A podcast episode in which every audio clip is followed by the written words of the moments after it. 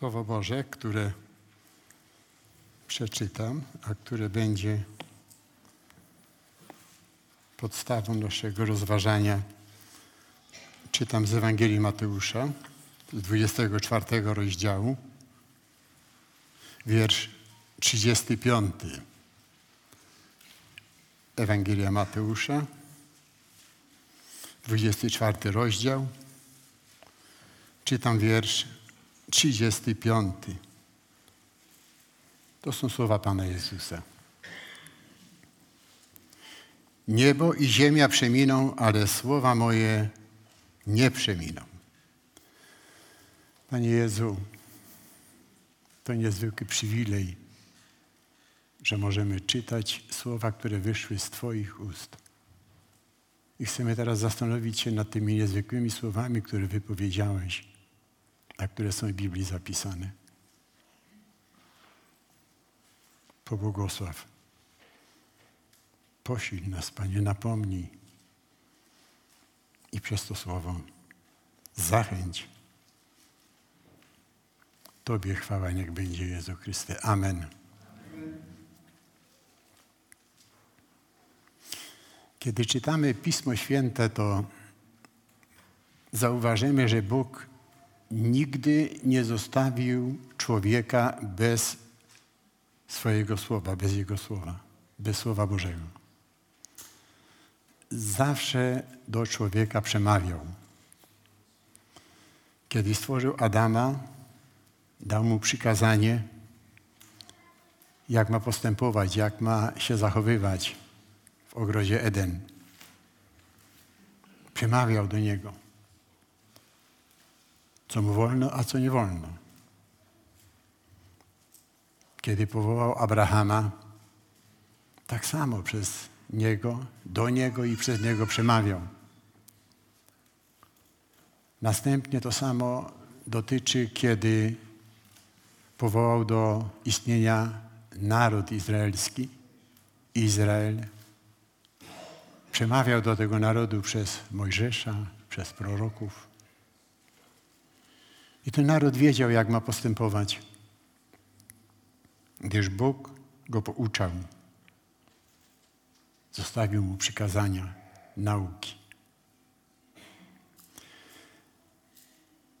Bóg też pokazuje, że jeżeli Jego słowo nie jest traktowane poważnie, to człowieka czeka samo nieszczęście. To się stało z Adamem. Później to również widzimy w narodzie izraelskim, którzy nie zawsze byli posłuszni Bożemu Słowu. Bóg swoje słowo traktuje bardzo poważnie. Człowiek niekiedy wypowiada słowa, tak jak mówi się, że wypowiada słowa na wiatr.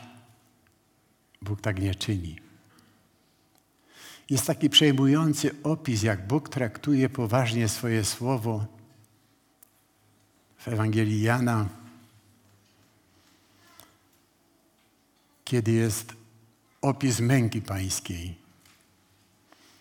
Pan Jezus wisi na krzyżu. Dokonuje się nasze odkupienie. Boży Syn umiera za nas, za nasze grzechy.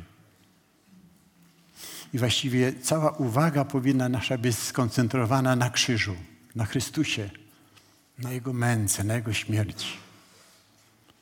Ale nagle w opisie Ewangelii czytamy, że nasza uwaga jest odwrócona pod krzyża. Tam się dzieje taka rzecz, by się wydawało bardzo mało ważna w stosunku do tego, co się dzieje na krzyżu. Tam żołnierze, którzy przybili Pana Jezusa do krzyża, tam żołnierze rzucają losy o suknię Pana Jezusa. By się wydawało, jak to się ma do tej męki. A jednak ma.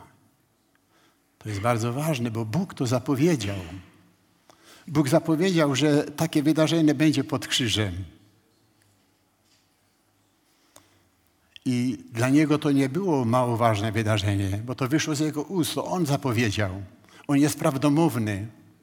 Kiedy on zapowiada jakąś rzecz, to Cały jego autorytet za tym stoi. A więc widzicie, jak Bóg poważnie traktuje swoje słowo. Kiedy przemawiał do patriarchów, kiedy przemawiał przez proroków, a Pismo Święte nas uczy, że u kresu tych dni przemówił przez Syna. Przez Jezusa Chrystusa przemówił do człowieka, do ludzi. To jest ostateczne słowo. I wiecie, to, co Pan Jezus wypowiada, to wypowiada z rozkazu Boga Ojca. I tak musimy traktować Jego słowa. Pan Jezus sam powiedział, ja nic od siebie nie mówię, ale mówię tak, jak mi Ojciec rozkazał. Tak musimy traktować słowa Jezusa. I te słowa, które Pan Jezus tu wypowiedział, niebo i ziemia przeminą, ale słowa moje nie przeminą, Pan Jezus wypowiedział również z rozkazu Ojca.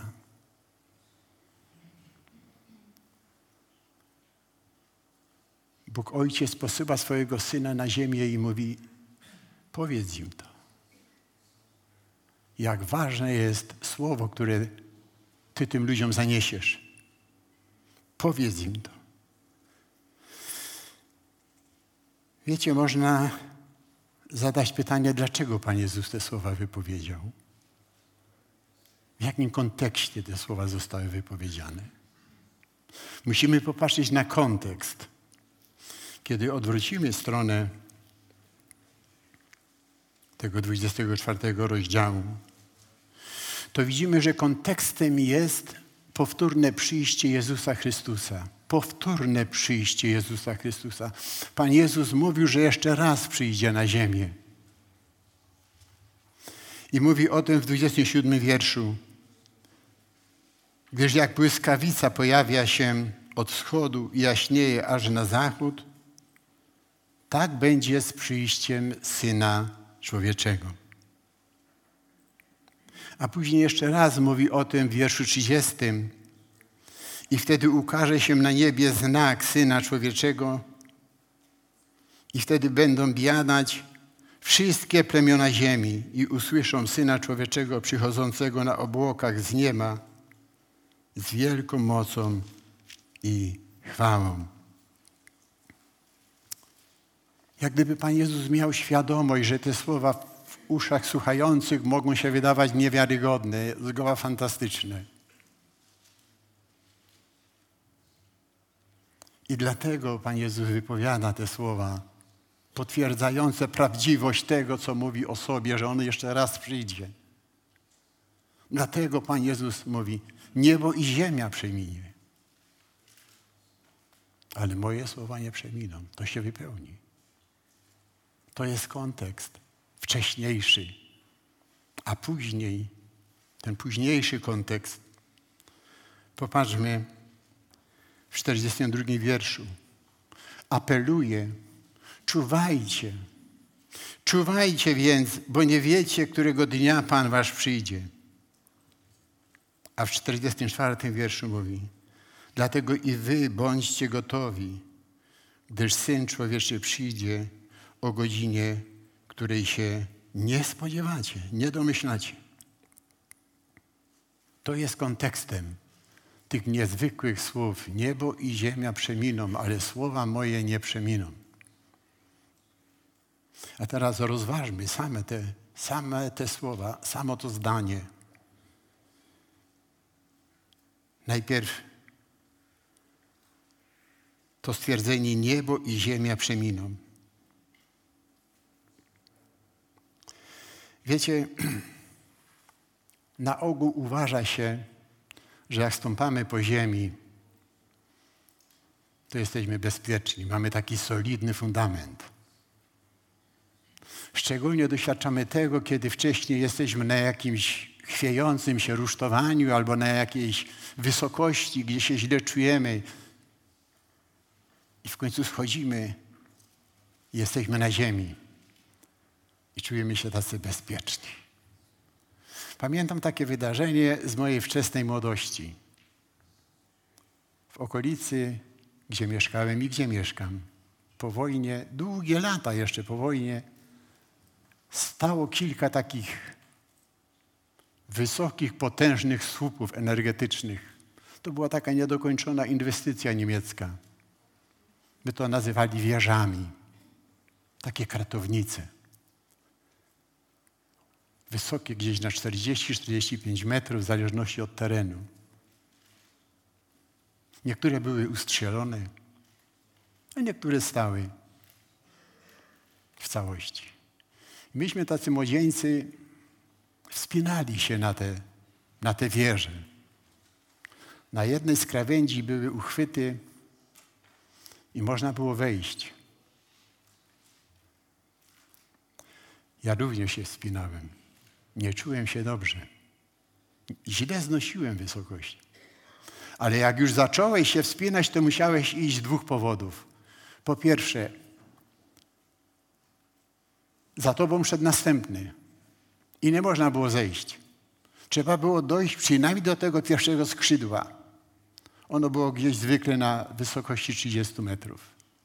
Tam dopiero można było dokonać mijanki i ewentualnie schodzić na dół. Niektórzy szli dalej. A po drugie, dlatego nie można było zejść, bo by się wyśmiali. Trzeba było przynajmniej do tego skrzydła pierwszego dojść, żeby zaliczyć. No więc w końcu schodziłem. I pamiętam to niesamowite, błogie uczucie. Zeskakiwałeś z tego ostatniego uchwytu, kładłem się na ziemi. Leżałeś na ziemi, bezpiecznie się czułeś. Nad tobą błękit nie ma. Jeszcze nogi drżały, cały drżałeś. Ale już byłeś bezpieczny. Miałeś ziemię pod sobą, niebo nad sobą. Nic ci nie mogło grozić. A tutaj dowiadujemy się, że jest bezpieczniejszy fundament od tego, co na ogół uważamy, że jest takie bezpieczne. Niebo i ziemia przeminą. To jest niezwykłe. Jest bez, bezpieczniejszy fundament, na którym możemy się oprzeć. To są słowa Pana Jezusa. Słowa, które wyszły z ust Jezusa. Bożego Syna. Słowa, które mu powiedział Ojciec, idź i powiedz to ludziom. Dlatego traktujmy słowa Jezusa, traktujmy Biblię z najwyższą powagą i z najwyższym zaufaniem. Autorytet Stwórcy za tymi słowami stoi. To jest to pierwsze. Niebo i ziemia przeminą. Ale dalej Pan Jezus mówi, ale słowa moje nie przeminą. Jego słowa nie przeminą. Zwróćmy uwagę na to, że to jest wypowiedziane ogólnie. To nie dotyczy tylko tego, co przedtem, co dopiero Pan Jezus wypowiedział o swoim powtórnym przyjściu. To de, tego też dotyczy. Ale te słowa, ale słowa moje nie przeminą, one mają znaczenie ogólne i dotyczą każdego słowa, jakie wyszło z ust Pana Jezusa Chrystusa. Dlatego też pamiętając o tej uwadze, chcę teraz zwrócić, chcę teraz przeczytać dwie wypowiedzi Pana Jezusa i rozważyć. Dwie wypowiedzi, pamiętając, że to są słowa, które wypowiedział Boży Syn i On mówi, moje słowa nie przeminą. Są najtrwalszym, najpewniejszym fundamentem. Jedna, jedną z tych wypowiedzi znajdujemy, wybrałem dwie wypowiedzi z licznych wypowiedzi, a wybrałem nieprzypadkowo i będę to chciał uzasadnić, dlaczego nieprzypadkowo. Jedną z tych wypowiedzi znajdujemy w Ewangelii Jana w trzecim rozdziale. Pan Jezus rozmawia z pewnym człowiekiem, z Nikodemem. I w trzecim wierszu mówi do niego takie słowa. Jeśli się kto nie narodzi na nowo, nie może ujrzeć Królestwa Bożego. To jest poważne stwierdzenie. Pan Jezus mówi, istnieje Królestwo Boże. Ale aby być w Królestwie, Boże, w Królestwie Bożym, musisz się narodzić na nowo. Nie ma innej możliwości. Jeżeli się nie narodzisz na nowo, nawet Królestwa Bożego nie zobaczysz. Nie zobaczysz Jego piękna, Jego powabu, Jego wspaniałości. Nie domyślisz się tego. Bo to dopiero zobaczysz jako nowonarodzony tymi duchowymi oczami. Dopiero to zobaczysz, kim jest, czym jest Królestwo Boże. A dalej w piątym wierszu jak gdyby bardziej precyzuje i mówi, jeśli się kto nie narodzi z wody i z ducha, nie może wejść do Królestwa Bożego. To są słowa Pana Jezusa. To są słowa, których się dotyczy również to określenie niebo i ziemia przeminą, ale słowa moje nie przeminą. Nowe narodzenie jest fundamentem, jest koniecznością, aby człowiek miał udział w Królestwie Bożym.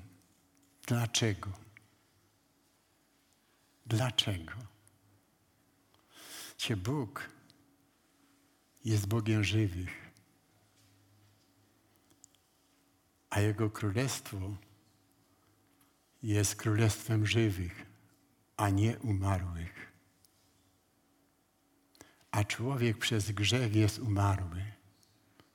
Człowiek przez grzech jest martwy. Duchowo dla Boga jest martwy. W liście do Efezjan, to jest drugi rozdział, pierwszy wiersz, tam jest takie stwierdzenie. I wy umarliście przez upadki i grzechy wasze A Biblia stwierdza, że wszyscy zgrzeszyliśmy. My wszyscy jesteśmy grzesznikami. Wszyscy jesteśmy martwi. Wszyscy jesteśmy poza Królestwem Bożym. Bo Królestwo Boże to nie jest cmentarzysko, to nie jest trupiarnia. Ale to jest coś najbardziej żywego. Królestwo Boże jest wieczne. I tam są tylko ci, którzy są obdarzeni życiem wiecznym.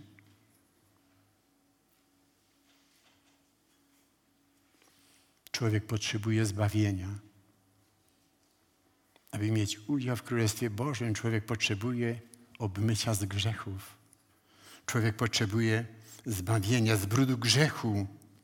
Człowiek potrzebuje duchowego ożywienia.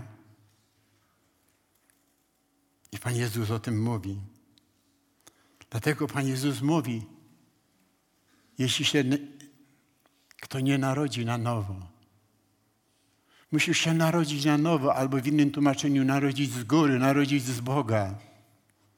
Musisz mieć przebaczone grzechy. A później jak dalej, mówi Pan Jezus, musisz się narodzić z wody i z ducha. Precyzuje to pierwsze zdanie Wiecie, i tutaj jest popis dla ludzi, którzy nie, nie rozumieją duchowego znaczenia Słowa Bożego. I od razu tłumaczą, woda to chrzest, a przy chrzcie otrzymujesz Ducha Świętego. I taka jest powszechna nauka. Że to pokropienie kilkutygodniowego dziecięcia, to jest właśnie ta woda. I otrzymujesz Ducha Świętego. Wiecie, można powiedzieć prosto na to tak. Później jeszcze uzasadniam biblijnie, co to znaczy z wody. Ale na takie stanowisko, że to przez chrzest człowiek jest na nowo narodzony, życie temu zaprzecza. Po prostu życie temu zaprzecza. Myśmy też byli wszyscy ochrzczeni jako niemowlęta, jeżeli ktoś nie, na, nie narodził się w chrześcijańskiej, prawdziwej, biblijnej, chrześcijańskiej rodzinie. A nie mieliśmy pojęcia o Bogu, o Jego Królestwie, o łasce Bożej. Polegaliśmy na tej ceremonii, na tym wydarzeniu. To nie, woda to nie oznacza tu chrzest. Musimy szukać w Biblii, musimy sobie wytłumaczyć, czym ta woda tu, w tym miejscu oznacza, która prowadzi do nowego życia. Czym ta woda jest? Żeby dobrze zrozumieć, musimy szukać wytłumaczenia w Biblii, a nie poza Biblią albo jakiegoś ludzkiego wymysłu, ludzkich domysłów. A Biblia to doskonale tłumaczy, co oznacza ta woda tu w tym miejscu. Popatrzmy do listu Piotrowego. Piotr również mówi o Nowym Narodzeniu, o zrodzeniu. I oto jak to ujmuje, to jest pierwszy rozdział listu Piotra. I czytam wiersz 23. Jako odrodzeni nie z nasienia skazitelnego, ale nieskazitelnego, przez Słowo Boże, które żyje i trwa. Piotr również tłumaczy sprawę odrodzenia, nowego narodzenia.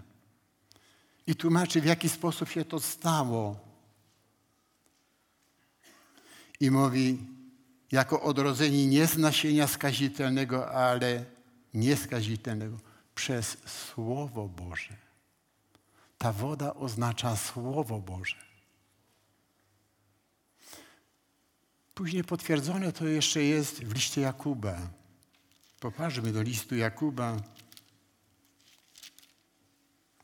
Pierwszy rozdział przeczytam, osiemnasty wiersz. Znowu znajdujemy tą myśl.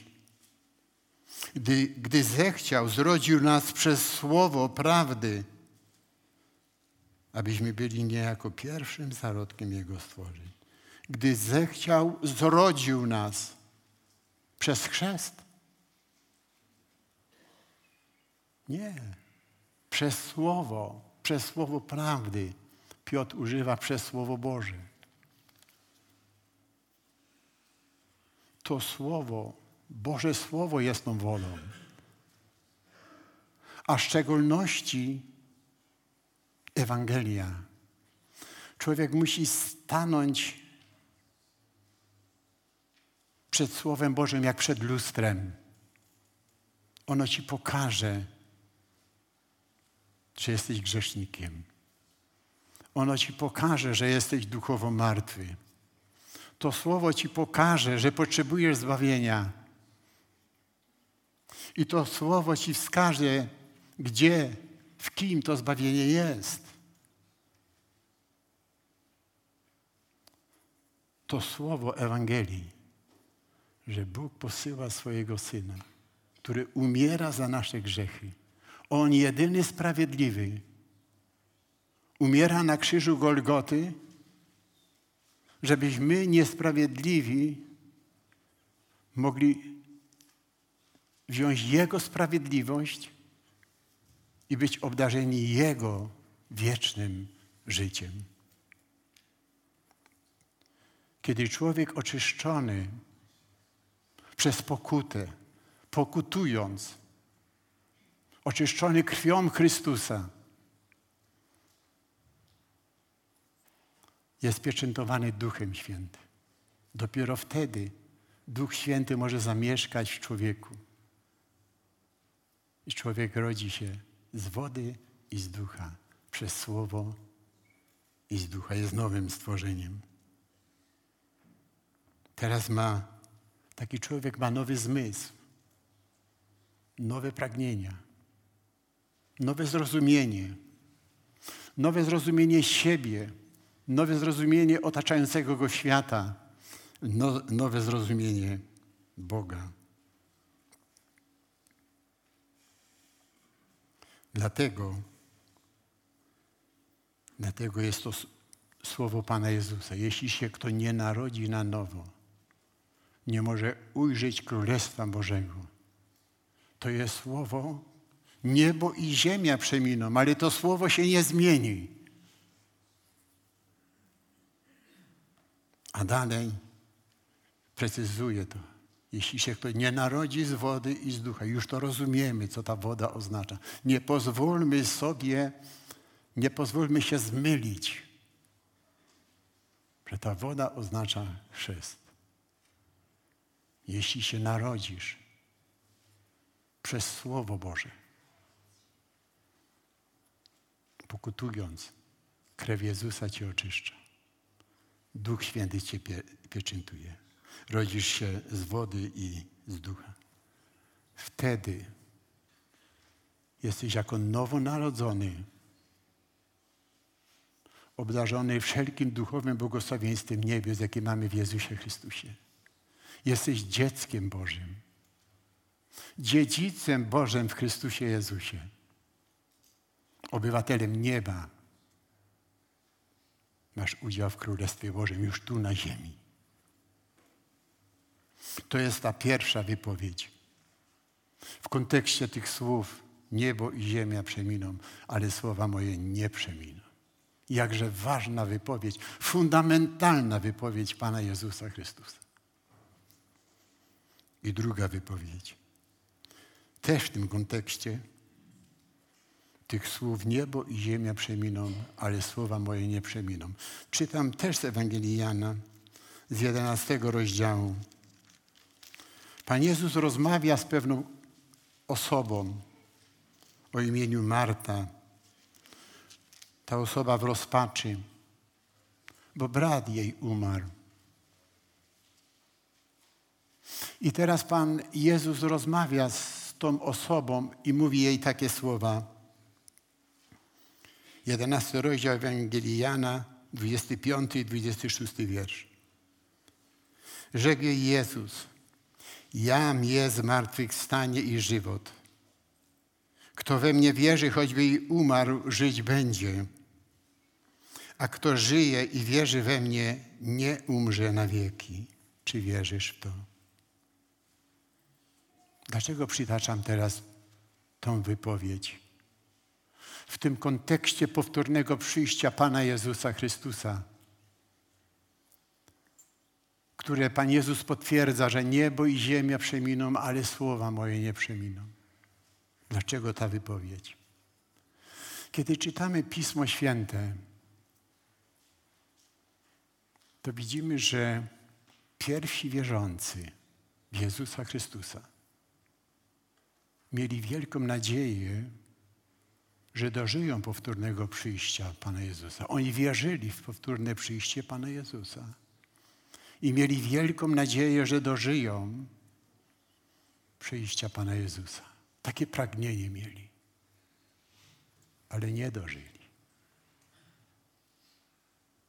Pomarli. A później historia Kościoła pokazuje, że tą nadzieję miało kolejne pokolenie. Kolejne pokolenie miały tą nadzieję, że Pan Jezus przyjdzie za ich życia. I kolejne pokolenia umierały. Nasze pokolenie też ma taką nadzieję. Wiecie, to jest taki naturalny odruch tego nowego życia. Chcemy być z Chrystusem. Nie chcemy przeżywać okropnej śmierci. Bóg nie stworzył człowieka do tego, żeby przeżywał śmierć. W naszym, naszej reakcji na śmierć nie ma niczego pozytywnego.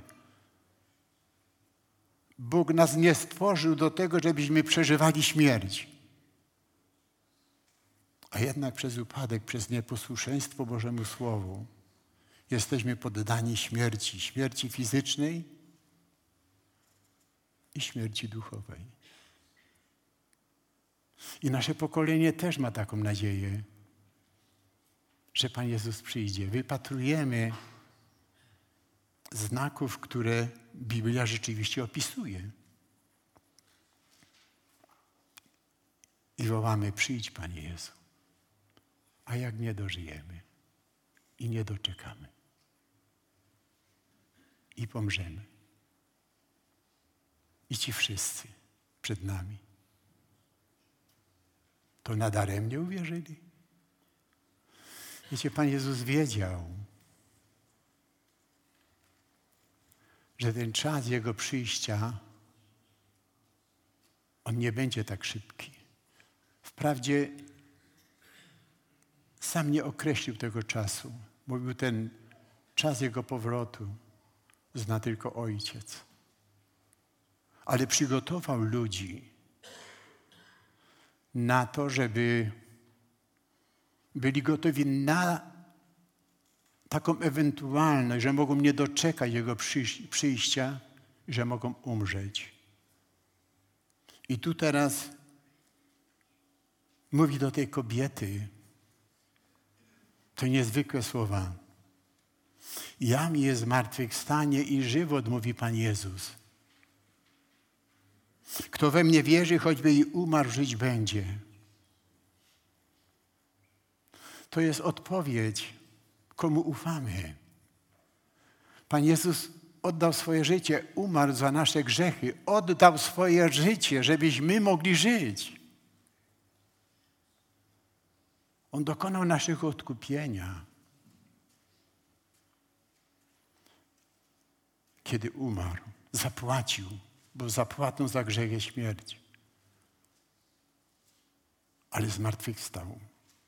On udowodnił, że ma władzę nad śmiercią. On to udowodnił. A później rozesłał świadków, którzy widzieli Jego zmartwychwstałego. Mówi, idźcie i głoście tą wieść. I apostołowie w dziejach apostolskich czytamy, z wielką mocą głosili wieść o zmartwychwstaniu Pana Jezusa Chrystusa. Bezpośredni świadkowie.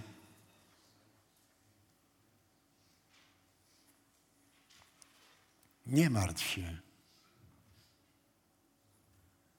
że umrzesz nie doczekawszy przyjścia Pana Jezusa. Jeżeli tylko umierasz wierząc w tego, który pokonał śmierć, nie martw się. Pan Jezus mówi, kto we mnie wierzy, choćby i umarł, będzie żył. Jak swoje życie oddałeś Jezusowi Chrystusowi, śmierć nad tobą nie ma władzy. Fizycznie możesz umrzeć, jeżeli Pan nie przyjdzie. Ale śmierć jest wrogiem pokonanym. Tak uczy Słowo Boże. Dlatego widzicie to, tą drugą wypowiedź Pana Jezusa połączyłem z tym powtórnym przyjściem Pana Jezusa i z tym mocnym słowem zapewniającym, że On rzeczywiście przyjdzie. Niebo i ziemia przeminą, ale słowa moje nie przeminą. Pan przyjdzie. I Pismo Święte okazuje, pokazuje nam kolejność zmartwychwstania. Pokazuje nam, w jaki sposób zostanie Kościół zabrany. Kiedy Pan Jezus przyjdzie powtórnie, to najpierw powstaną ci, którzy umarli w Chrystusie. Tak uczy Słowo Boże. Oni będą mieli nawet pierwszeństwo. Powstaną w przemienionych ciałach, w uwielbionych ciałach, w ciałach podobnych do ciała, jakie miał Pan Jezus po swoim zmartwychwstaniu. Powstaną na spotkanie z Panem, a później dopiero nastąpi przemiana tych fizycznych ciał na uwielbione ciała tego pokolenia, które dożyje przyjścia Pana Jezusa Chrystusa. Tak uczy Słowo Boże, które Pan Jezus potwierdził. Niebo i ziemia przeminą, ale moje słowa nie przeminą. Ale co oznacza, wracając do naszego wyjściowego tekstu, co oznacza ten apel Pana Jezusa, kiedy mówi czuwajcie. Czuwajcie więc, bo nie wiecie, którego dnia Pan Wasz przyjdzie. Albo później, co to oznacza bądźcie gotowi? Co to oznacza? Wiecie,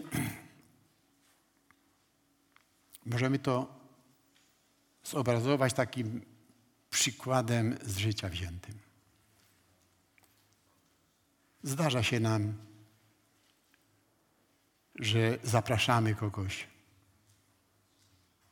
do domu, do naszych mieszkań, do naszych domów. I co wtedy robimy? Przygotowujemy się. Mieszkania, które zwykle są pięknie wysprzątane, jeszcze, jeszcze piękniej sprzątamy. Sami ubieramy się bardziej elegancko, nie tak codziennie. I czekamy na gości, których zaprosiliśmy.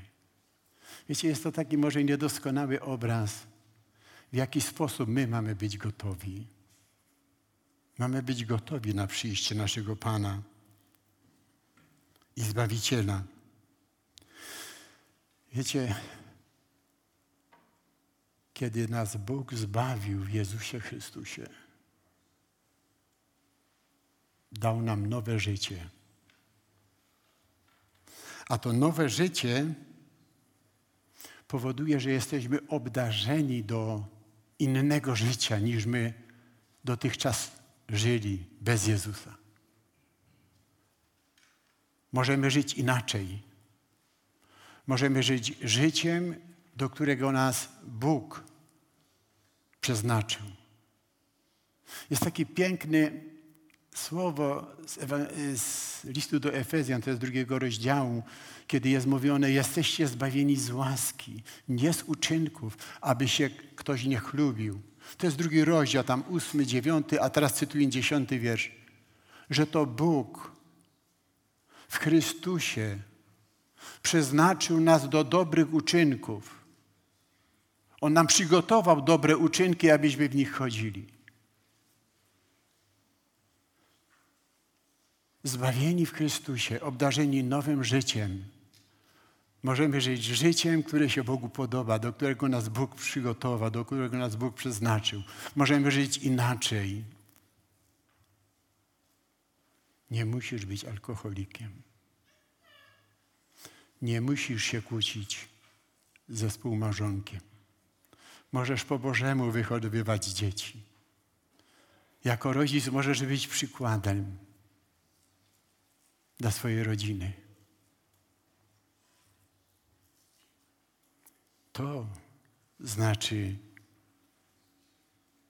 żyć nowym życiem, być gotowi. Biblia to nazywa uświęceniem. Uświęceniem. Uświęcenie, czyli poznajesz Słowo Boże i coraz lepiej je rozumiesz i widzisz, że to, co dotychczas uważałeś za normalne, świetle Słowa Bożego jest niewłaściwe. I masz moc to porzucić, to zostawić, do tego już nie wracać. To znaczy uświęcać. Coraz bardziej oddzielać się od wpływu tego świata. Coraz bardziej się oddzielać, upodabniać się do naszego Zbawiciela Pana Jezusa Chrystusa. Wiecie, Pismo Święte nas uczy, niech życie wasze będzie godne Ewangelii Chrystusowej. To jest bardzo poważny apel aby nasze życie było godne Ewangelii Chrystusowej. Wiecie, Chrystus tak wiele zrobił, żeby nas pozyskać. Wszystko zrobił. Oddał swoje życie za Ciebie, za mnie, grzeszników. Nie daliśmy mu żadnego powodu, żeby on to zrobił. Żadnego powodu. Byliśmy w swoich grzechach. Biblia mówi nawet, że przed naszym nawróceniem to byliśmy wrogami Boga. I Pan Jezus przychodzi na taki świat, wrogi, wrogi Mu i oddaje swoje życie, aby nas zbawić, aby nas obdarzyć tą możliwością do innego życia. To my to zlekceważymy? Tak wielkie zbawienie? Niech życie wasze będzie godne Ewangelii Chrystusowej. Bądźmy przygotowani na Jego powtórne przyjście. Żebyśmy nie byli zawstydzeni przypadkiem, kiedy On przyjdzie. Jak postępujemy? No teraz jesteśmy tu na nabożeństwie. Wszyscy ładnie ubrani. Mile się do siebie uśmiechamy. A jak to było w domu? Jak wychodziłeś z domu? Czy tak samo miło było w Twojej rodzinie? Opowiadał mi pewien brat. On jedyny był w tej rodzinie nawrócony. Jedyny. A była to rodzina religijna. I na nabożeństwa do tego nominalnego kościoła jeździli samochodem. I mówi mi tak. Słuchaj, kiedy jedziemy na nabożeństwo, to oni się kłócą wszyscy w samochodzie. W kościele są bardzo pobożni, ich miny są bardzo pobożne. A kiedy wracamy, to znowu się kłócą. Jak to? Biblia mówi, abyście przypadkiem nie byli zawstydzeni w czasie Jego przyjścia. Popatrzmy do listu Janowego. Pierwszy list Janowy, bo tam na ten temat jest bardzo ważne zdanie. Pierwszy list Jana, drugi rozdział, przeczytam 28 wiersz. A teraz, dzieci, trwajcie w nim, abyście, gdy się objawi, mogli śmiało stanąć przed nim i nie zostali zawstydzeni przy przyjściu Jego. Znowu Biblia mówi o przyjściu Pana Jezusa. Pan Jezus przyjdzie. On jest teraz z nami, już teraz z nami w Duchu Świętym, ale On przyjdzie. On przyjdzie po Kościół, aby nas zabrać. Żyjmy życiem, które nie przynosi ujmy naszemu Zbawicielowi, którego wyznajemy. I żebyśmy sami nie byli zawstydzeni przy Jego przyjściu. Jest jeszcze jeden tekst, może który w tym temacie przeczytam. Tekst apostoła Pawła z listu do Tytusa. Z drugiego rozdziału. Czytam od jedenastego wiersza.